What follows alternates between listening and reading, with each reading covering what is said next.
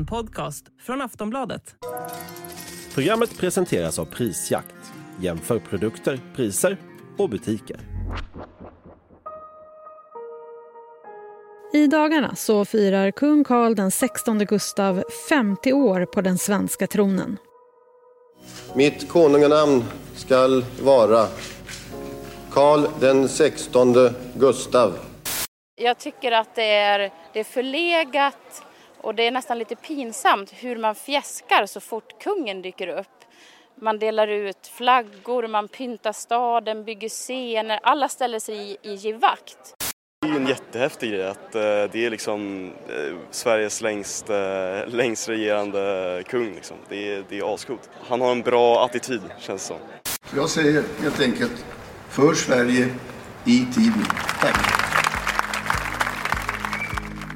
Ja, kungen har varit Sveriges regent sedan den 15 september 1973 och under hela det här året så har han firats runt om i landet. Firandet i Stockholm blir rejält, bland annat med kortege genom stan och stor middag på Kungliga slottet. Allt sänds dessutom i Sveriges Television.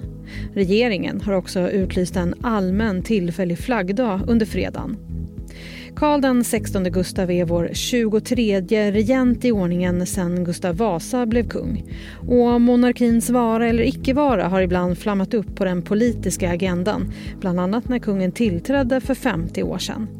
Men som det ser ut nu så är monarkin relativt stark och den svenska kungafamiljen är populär hos befolkningen. För frågar man svenska folket så har runt 55 procent förtroende för kungahuset enligt en ny undersökning som Demoskop har gjort för Aftonbladet. Och även riksdagspartierna, Moderaterna, Liberalerna, Centern, Kristdemokraterna och Sverigedemokraterna vill behålla monarkin. Medan Socialdemokraterna, Vänsterpartiet och Miljöpartiet anser att monarkin borde avskaffas även om de i dagsläget inte driver frågan. Kungen valde 1973 sitt motto för Sverige i tiden. Hur mycket i tiden är det egentligen med att ha monarki som statsskick? Hur har stödet för republik varit genom åren och vad skulle det innebära om vi avskaffade monarkin? Det här pratar vi om i det här avsnittet av Aftonbladet Daily. Jag heter Jenny Ågren. Och jag har med mig Niklas Malmberg, ordförande i Republikanska föreningen. Niklas, eh, vad är det största felet med monarki, tycker du? Ja, det största felet är ju det principiella problemet, nämligen det att i en demokrati så ska man kunna välja sina företrädare och det ska vara över en tidsbegränsning så att man också kan välja om om man inte är nöjd med sina företrädare och med god insyn i vilka förehavanden som finns för att undvika korruption. Och arvsmonarkin strider ju mot alla de här tre principerna. Här är det en person som ärver sin position och det på livstid och eh, med helt fritt spelrum, en total sammanblandning mellan offentlig och privat ekonomi där det inte finns någon insyn från offentlighetens håll så att vi vet egentligen inte vad som försiggår där, hur överföringen från det offentliga till det privata ser ut. Hur hårt driver ni eh, frågan om att avskaffa monarkin? Ja förstås 100 procent, det är ju den enda frågan på programmet. I Republikanska föreningen finns ju medlemmar med vitt skilda politiska åsikter i övrigt. Men som alla enas i detta att arvsmonarki rimmar illa med demokrati. Och det är ju inte bara den principiella dimensionen utan det här medför ju också många rent praktiska problem. En sak som vi har betonat mycket senaste tiden är ju att Sverige har antagit barnkonventionen här fört in den i svensk lag. Den gäller alla barn i Sverige utom just kungafamiljens barn. De kan inte välja sin egen framtid, den ska vara utstakad. Den finns föreskriven i en successionsordning så de är liksom undantagna av möjligheten att välja sitt eget liv. Det här är också någonting som vi ser en parallell i religionsfriheten. Alla andra svenskar har religionsfrihet. Du får välja vad du vill tro på men kungafamiljens medlemmar får inte det utan de ska bekänna sig till någon sorts ålderdomlig kristendom som till och med Svenska kyrkan har lämnat eh, och får inte konvertera från den. Eh, sen kan man diskutera om det här med rättsimmunitet, hur väl det är att ha det för en person som har sitt ämbete på livstid. Kungen kan ju göra precis vad som helst men är rättsimmun. Kan alltså inte straffas för det som skulle vara brott om andra begick det. Vi har alltså ingen likhet inför lagen. Och det känns i alla fall just nu som att eh, själva kungahuset är populärare än någonsin och att svenska folket gillar monarkin. Varför tror du att det är så? Ja, dels håller jag inte med om den bilden riktigt utan stödet för monarkin var 70 procent om vi backar tillbaka 10-20 år i tiden och, och, nu de senaste siffrorna säger att ja, men det är 54 procent som tycker att eh, man stödjer arvsmonarkin. Men absolut, en majoritet av svenska folket eh, står fortfarande bakom arvsmonarkin eh, och det tror jag mycket handlar om att förändring i sig kan vara skrämmande. Man vet vad man har, man vet vad man får. Om frågan istället skulle riktas om vi hade en ny situation, Sverige skulle skriva sin konstitution här och nu, skulle man då välja arvsmonarki eller republik? Jag tror inte du hittar en enda person i Sverige då som säger att ja men det bästa vi kan göra är väl att peka ut en person och låta honom vara kung och så får hans barn, barnbarn ta vid efter. Det finns ju liksom inte utan principiellt håller alla med men sen just det här att förändra ett eh, system som finns kanske man ändå inte vill göra. Tror du att folk är för okunniga om vad monarkin egentligen innebär? Ja, jag tror det mest handlar om ett ointresse därför att det här är en fråga som inte präglar vardagen särskilt mycket. Man har mycket andra frågor som eh, ligger liksom närmare till hands som är det som man funderar över dagligdags.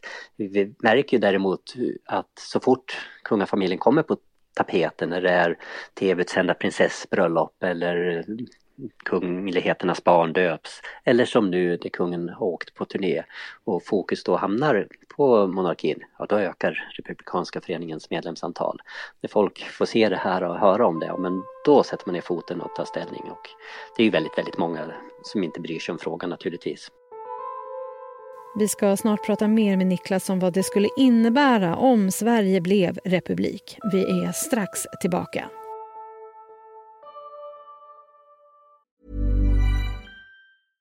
Ryan Reynolds here from Mint Mobile. With the price of just about everything going up during inflation, we thought we'd bring our prices down. So to help us, we brought in a reverse auctioneer, which is apparently a thing. Mint Mobile unlimited premium wireless. Ready to get 30, 30, bit to get 30, bit to get 20, 20, 20, bit to get 20, 20, bit to get 15, 15, 15, 15 just 15 bucks a month. So, Give it a try at mintmobile.com/switch. slash $45 up front for 3 months plus taxes and fees. Promo for new customers for limited time. Unlimited more than 40 gigabytes per month slows. Full terms at mintmobile.com. Niklas, om vi tittar historiskt, hur har stödet för republik sett ut? I Sverige blir det svagare och svagare och det här är också en global trend. Hundra år tillbaks i tiden, eller lite mer, då var det ju monarki som var det statsskick som präglade de flesta länder. Nu är det ett fåtal demokratier kvar. Monarkin mm. faller i land efter land. Eh, och det är också så att de nya länder som tillkommer, alla nya länder som har tillkommit under 2000-talet här har ju valt republik som statsskick. Och även de senaste åren har vi sett olika monarkier falla och ibland under väldigt dramatiska former som till exempel i Nepal där en kronprins mördade medlemmar i sin familj därför att han ju inte fick gifta sig med den flicka han ville gifta sig med. Så det var oerhört traumatiskt. och Nepal avskaffade monarkin där. Bättre ordning var det i Barbados när man för ett par år sedan då eh, valde att eh, avskaffa monarkin. Det var ju liksom en del av det brittiska samhället och drottning Elisabeth var drottning där men det gjordes på, eh, med, en ceremoni och så med ordnade former och det är det som vi kommer se i många av det brittiska samhällets gamla kolonier nu att man lämnar det här med att vara underställd brittiska kungahuset. I Sverige så är det tre partier i riksdagen som egentligen vill ha bort monarkin men som inte driver den här frågan. Hur ser ni på det? Ja, det är ju lite trist, men eh, det är inte så konstigt heller utan det är precis samma som när jag pratar om varför folk överlag inte tänker på frågan att det här är inte någonting som ligger på näthinnan, det är inte det stora akuta problemet att hantera.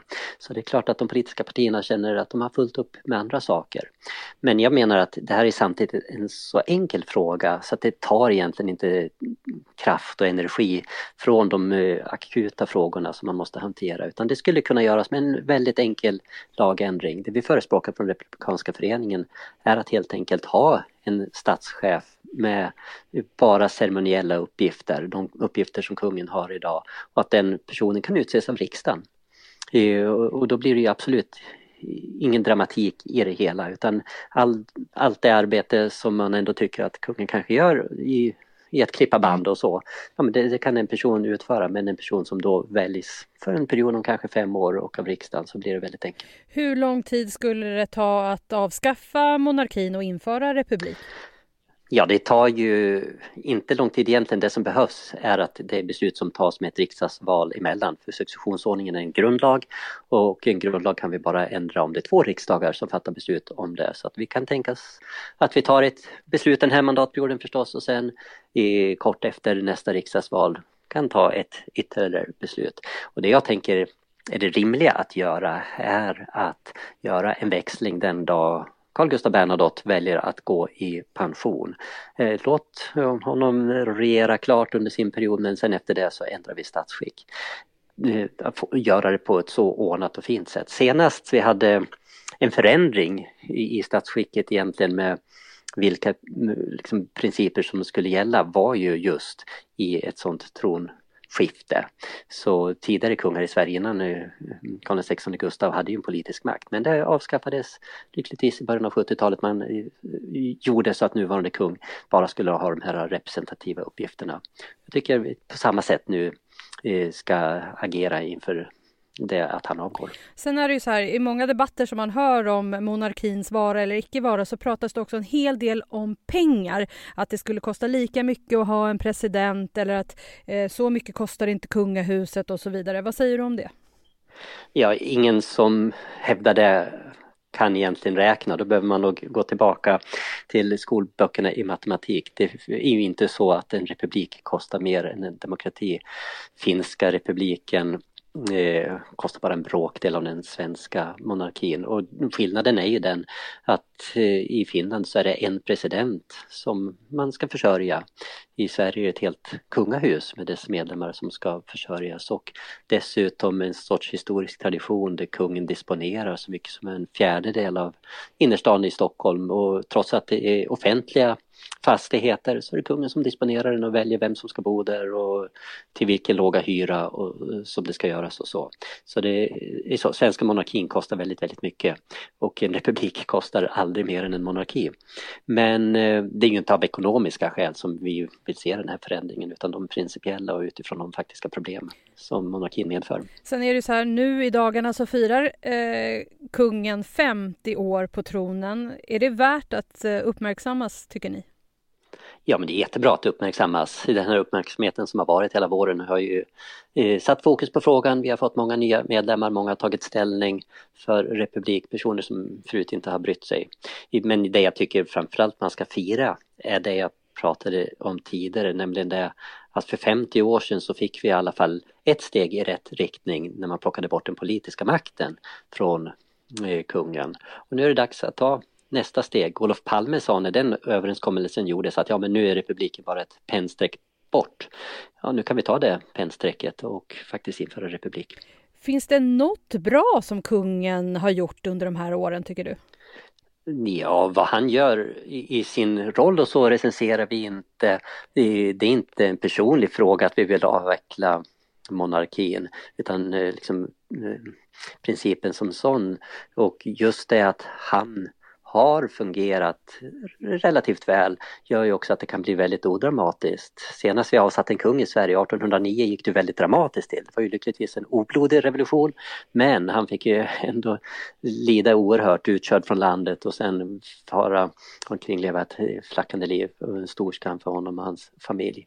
Och så vill vi inte hantera det utan ta eh, tvärtom tacka kungen för hans tid här som statschef. Han kanske kan få en guldklocka när han går i pension som alla andra och rikta personliga tack till hans insatser. Det är däremot så att eh, för Sverige i tiden så är arvsmonarkin inte rätt. Niklas, eh, vad gör Republikanska föreningen under kungens 50-årsjubileum? Ja, vi kommer ju synas och höras utanför slottet vid Mynttorget på fredagen, dela ut vårt material och så och skildra varför republik är att föredra framför monarki, varför demokrati är bättre PR för landet. Men vi kommer också ha ett stort seminarium på lördagen. Flera olika gäster inbjudna som ger sin syn på saken, hur vi nu ska gå vidare för att helt och fullt demokratisera landet. Tack för idag Niklas. Tack själv.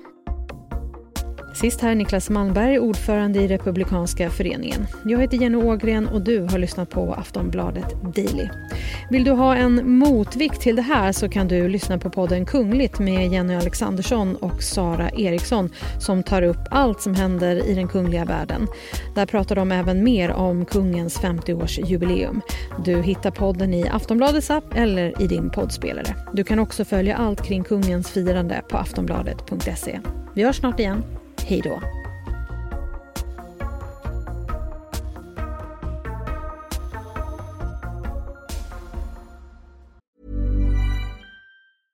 Cool fact a crocodile can't stick out its tongue. Also, you can get health insurance for a month or just under a year in some states. United Healthcare short term insurance plans, underwritten by Golden Rule Insurance Company, offer flexible, budget friendly coverage for you. Learn more at uh1.com. Du har lyssnat på en podcast från Aftonbladet. Ansvarig utgivare är Lena K Samuelsson.